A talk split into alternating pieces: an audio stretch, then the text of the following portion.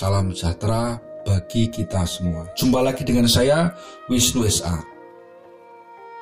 Pada kali ini kami akan menyampaikan sebuah materi atau membahas materi yang berkaitan dengan masalah mengelola pikiran atau mengendalikan pola pikir.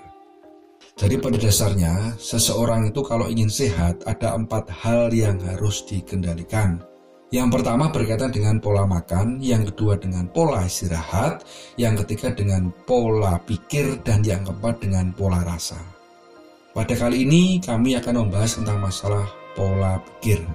Karena pada saat ini banyak sekali eh, orang-orang uh, yang tidak menyadari bahwasanya karena kesalahan dalam mengelola pikirannya sehingga badannya menjadi kurang sehat atau tidak sehat atau banyak penyakit. Beberapa hal yang disebabkan karena kesalahan dalam pola berpikir yang pertama, sering mengalami pusing tanpa sebab. Yang kedua vertigo. Yang ketiga, sering kali badan kaku, pegal di bahu dan tengkuk. Yang keempat, sering mual tanpa sebab. Yang kelima, lemah, lunglai, kurang bergairah atau anemia. Yang keenam, susah tidur. Yang ketujuh, seluruh tubuh terasa sakit kalau dipegang. Yang delapan, terasa kurang tidur atau capek setelah bangun tidur. Dan yang kesembilan terkait dengan asam lambung. Jadi asam lambungnya mengalami eh, kenaikan atau bermasalah dengan lambung. Seringkali disebut MAH atau lebih ekstrimnya sebagai GIRD. Jadi sampai terasa nyeri di ulu hati, eh, sesak di dada, dan tenggorokan terasa pahit. Jadi karena kesalahan dalam pola berpikir sehingga menyebabkan sistem e, kerja dalam tubuh atau sistem kinerja organ-organ tubuh ini tidak bisa berfungsi secara maksimal. Banyak manusia terlalu memaksakan diri terkait dengan pola berpikir atau cara berpikirnya. Banyak yang tidak memahami bagaimana cara mengistirahatkan pikirannya atau mengistirahatkan otaknya. Otak terus diajak untuk bekerja, terus diajak untuk beraktivitas tanpa diberikan kesempatan atau waktu untuk beristirahat. Seringkali seseorang ketika tidur hanya tubuhnya saja yang istirahat, yang tidur, tetapi pikirannya atau otaknya membawa sebuah beban beban di dalam pikirannya, di dalam otaknya sehingga apa? Tidurnya menjadi tidak nyenyak atau kurang berkualitas. Sehingga ketika bangun tidur badan terasa capek dan terasa kurang tidur atau badan malah terasa pegel-pegel. Ini tentu bukan sebuah hal yang benar. Dan terkait dengan cara mengendalikan pikiran, eh, kami akan memberikan beberapa tipsnya. Yang pertama, Berkaitan dengan mengelola pola pikir, e, diibaratkan seperti seseorang yang naik sepeda motor. Jadi ada kalanya sepeda motor itu digas kencang, tapi ada kalanya juga digas sedang, ada kalanya juga pelan, ada kalanya juga direm. Nah, kebanyakan orang tidak bisa memahami bagaimana caranya agar supaya RPM-nya otak e, dalam berpikir ini dikurangi atau lambat atau berhenti. Seringkali digaspol terus, digas mentok terus, sehingga apa? Sehingga mengalami overload activity. Otaknya mengalami overload activity atau aktivitas otaknya ini mengalami e, beban yang sangat berat sehingga mengalami gangguan-gangguan yang tidak baik bagi kinerja tubuh. Yang pertama adalah sering-seringlah untuk melakukan sebuah meditasi atau itikaf. Jadi eh, yang pada intinya adalah berdiam diri. Jadi kita berdiam diri bisa dilakukan setelah kita sholat atau bisa dilakukan sebelum kita tidur. Contoh gini, eh, misalkan kita lakukan sebelum tidur, kita dari pagi sampai sore ya beraktivitas dengan kehidupan duniawi, kita berjibaku dengan eh, mencari penghasilan atau bekerja, kita bertemu dengan banyak orang, kita bertemu dengan banyak masalah, kita bertemu dengan banyak hal. Terus kemudian begitu kita pulang ke rumah, tentunya hal-hal yang tadi kejadian yang kita alami itu harus bisa kita letakkan. Ketika kita masuk ke dalam rumah ini pelan-pelan harus kita letakkan dulu. Maka bagi orang Jawa atau secara Islam juga diajarkan sebelum kita masuk rumah kita membasuh kaki dan muka atau tangan dulu. Agar supaya apa? Ini bermakna segala beban-beban yang kita bawa atau residu-residu yang kita bawa dari kita bekerja kita bersosialisasi itu bisa tertinggal. Berarti begitu masuk rumah ya kita bisa Eh, beban-beban kita kita letakkan dulu. Terus uh, sebelum tidur usahakan uh, kita duduk dulu, duduk dengan posisi tegak, bisa sila atau jungkung, kemudian mata dipejamkan, terus pelan-pelan kita uh, endapkan lahir batin kita, atur nafas, nafas diatur, tarik nafas panjang melalui hidung, terus kemudian ditahan sebentar di dada terus lepaskan pelan-pelan melalui mulut seperti ban kempes. Pelan-pelan aja. Ulangi beberapa kali bisa tiga, lima kali atau sepuluh kali sampai betul-betul tenang. Sesudah itu kita diem. Ketika ada diem kita endapkan seluruh lahir batin kita. Bagi yang beragama Islam bisa pelan-pelan di dalam hatinya diucapkan kalimat-kalimat lafal-lafal untuk berzikir bisa astagfirullahaladzim atau la ilaha illallah. Uh, terus kemudian uh, nafas kita atur kita buat serilek mungkin tapi badan tetap tegak. Sampai betul-betul kita rileks dan tenang. Sudah itu silahkan anda beristirahat. Bisa dipraktekkan nanti setelah bangun tidur apa yang akan anda alami? Anda akan mengalami sebuah tidur yang berkualitas. Terus kemudian bisa juga ketika di sela-sela kita beraktivitas tentunya eh, pada saat sholat duhur bisa juga di sholat asar atau dan maghrib misalkan di sholat duhur setelah eh, selesai berdoa eh, biasakan dulu untuk berdiam diri. Secara Islam dinamakan itikaf. Jadi kita berdiam diri saja kita berdiam diri eh, secara praktis secara praktek sama kayak tadi kita tarik nafas pelan-pelan melalui hidung tahan di dada uh, kurang lebih 10 detik kemudian kita lepaskan pelan-pelan melalui mulut. Ulangi itu sampai 5 sampai 10 kali sampai betul-betul kita rileks setelah itu beraktivitas kembali. Nah pada saat waktu-waktu itu waktu-waktu kita menenangkan diri kita berdiam diri di saat itulah otak kita pikiran kita beristirahat. Sehingga apa? Sehingga ada kesempatan bagi otak untuk memperbaiki dirinya sendiri. Jadi tidak dipaksa terus bekerja. Karena kalau dipaksa terus bekerja, lama-lama pasti akan mengganggu kinerja tubuh secara keseluruhan.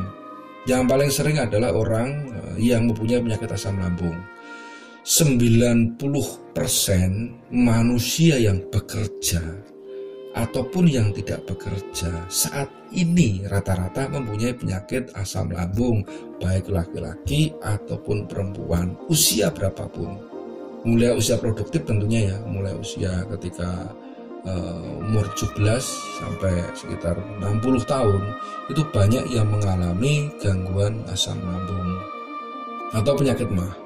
Dan yang paling ekstrim ini sampai uh, ulu hati nyeri sampai sesak di dada bahkan tenggorokan itu terasa pahit. Sampai ke lidah terasa pahit. Dan tentunya ini kalau dibiarkan maka akan berakibat fatal bagi kesehatan tubuh. Lambung ini berfungsi untuk mencerna makanan.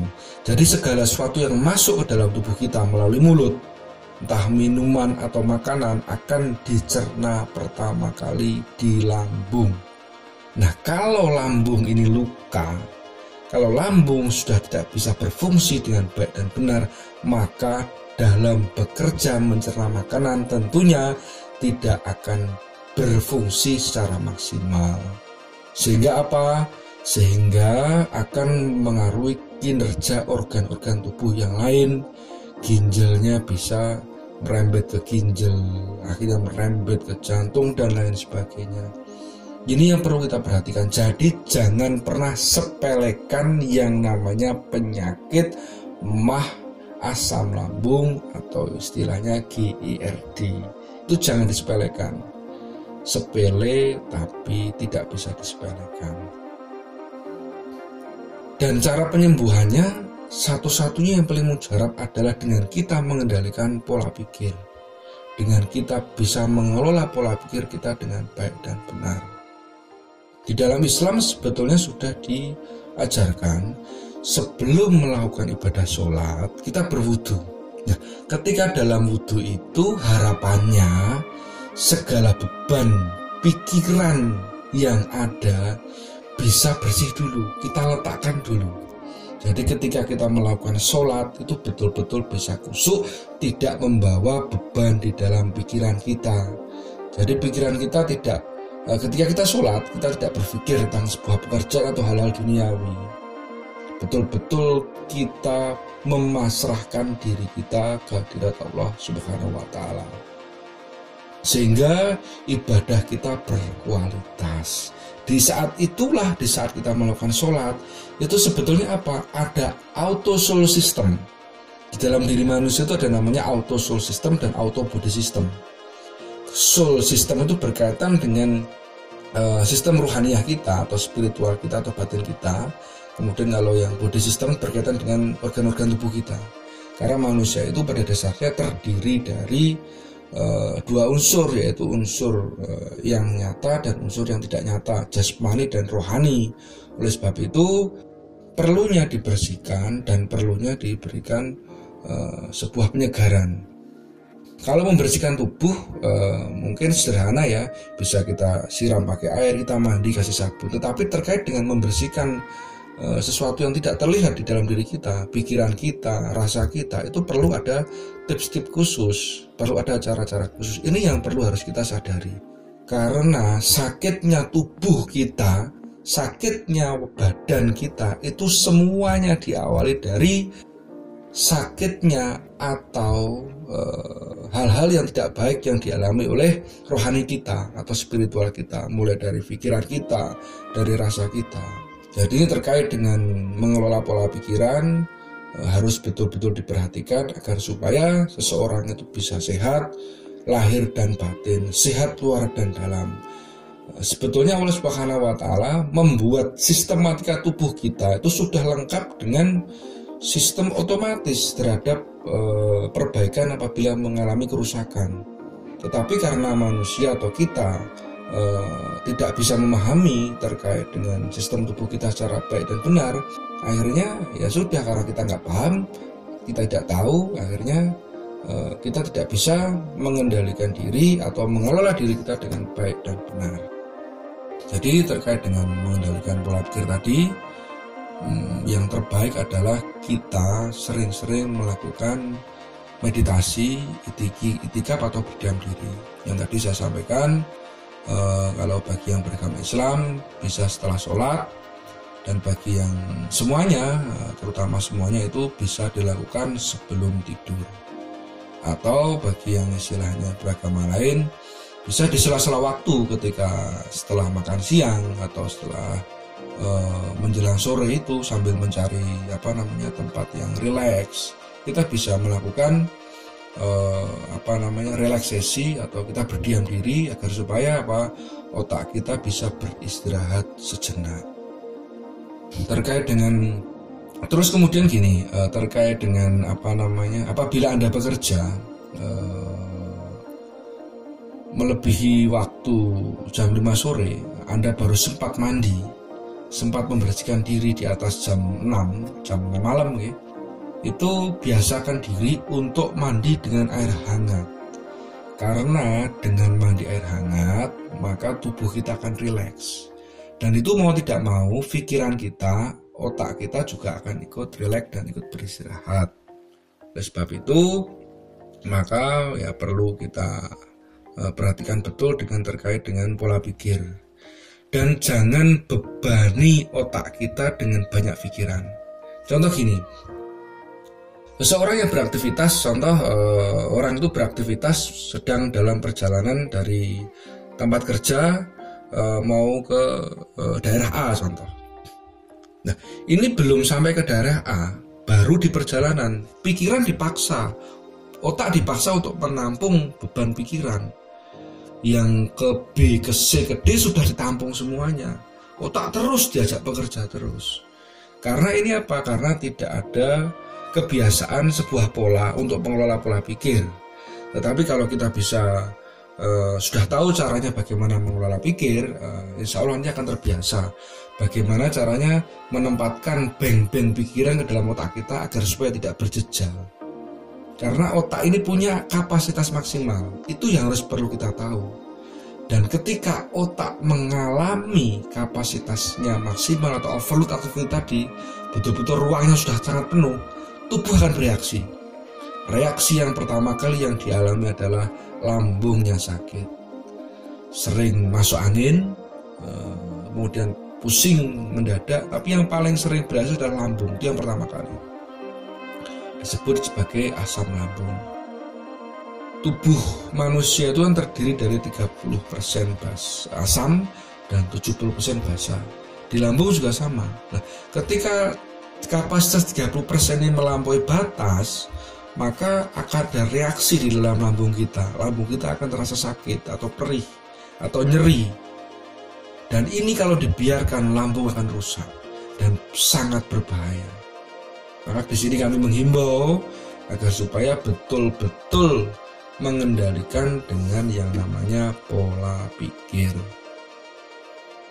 Terus ada cara lagi eh, yang kedua yang pertama lah tadi ya berkaitan dengan meditasi atau itikaf atau menenangkan diri dengan tips tadi yang sudah diberikan di depan ada cara lagi yang dinamakan dengan kita berzikir. Zikir itu sebagai upaya juga untuk kita membersihkan diri dan menenangkan diri kita termasuk otak atau pikiran kita. Tetapi zikirnya ini dilaksanakan dengan situasi kondisi yang rileks. Kita ucapkan dengan pelan-pelan. Contoh seperti ini. Sebelum berzikir, kita atur nafas dulu. Kita dalam kondisi yang rileks. Kemudian ucapkan zikir itu secara pelan saja. Secara lirih kita ucapkan di mulut secara lirih dan di dalam hati kita ucapkan secara lirih juga secara bersama. Contoh seperti ini. La ilaha illallah La ilaha illallah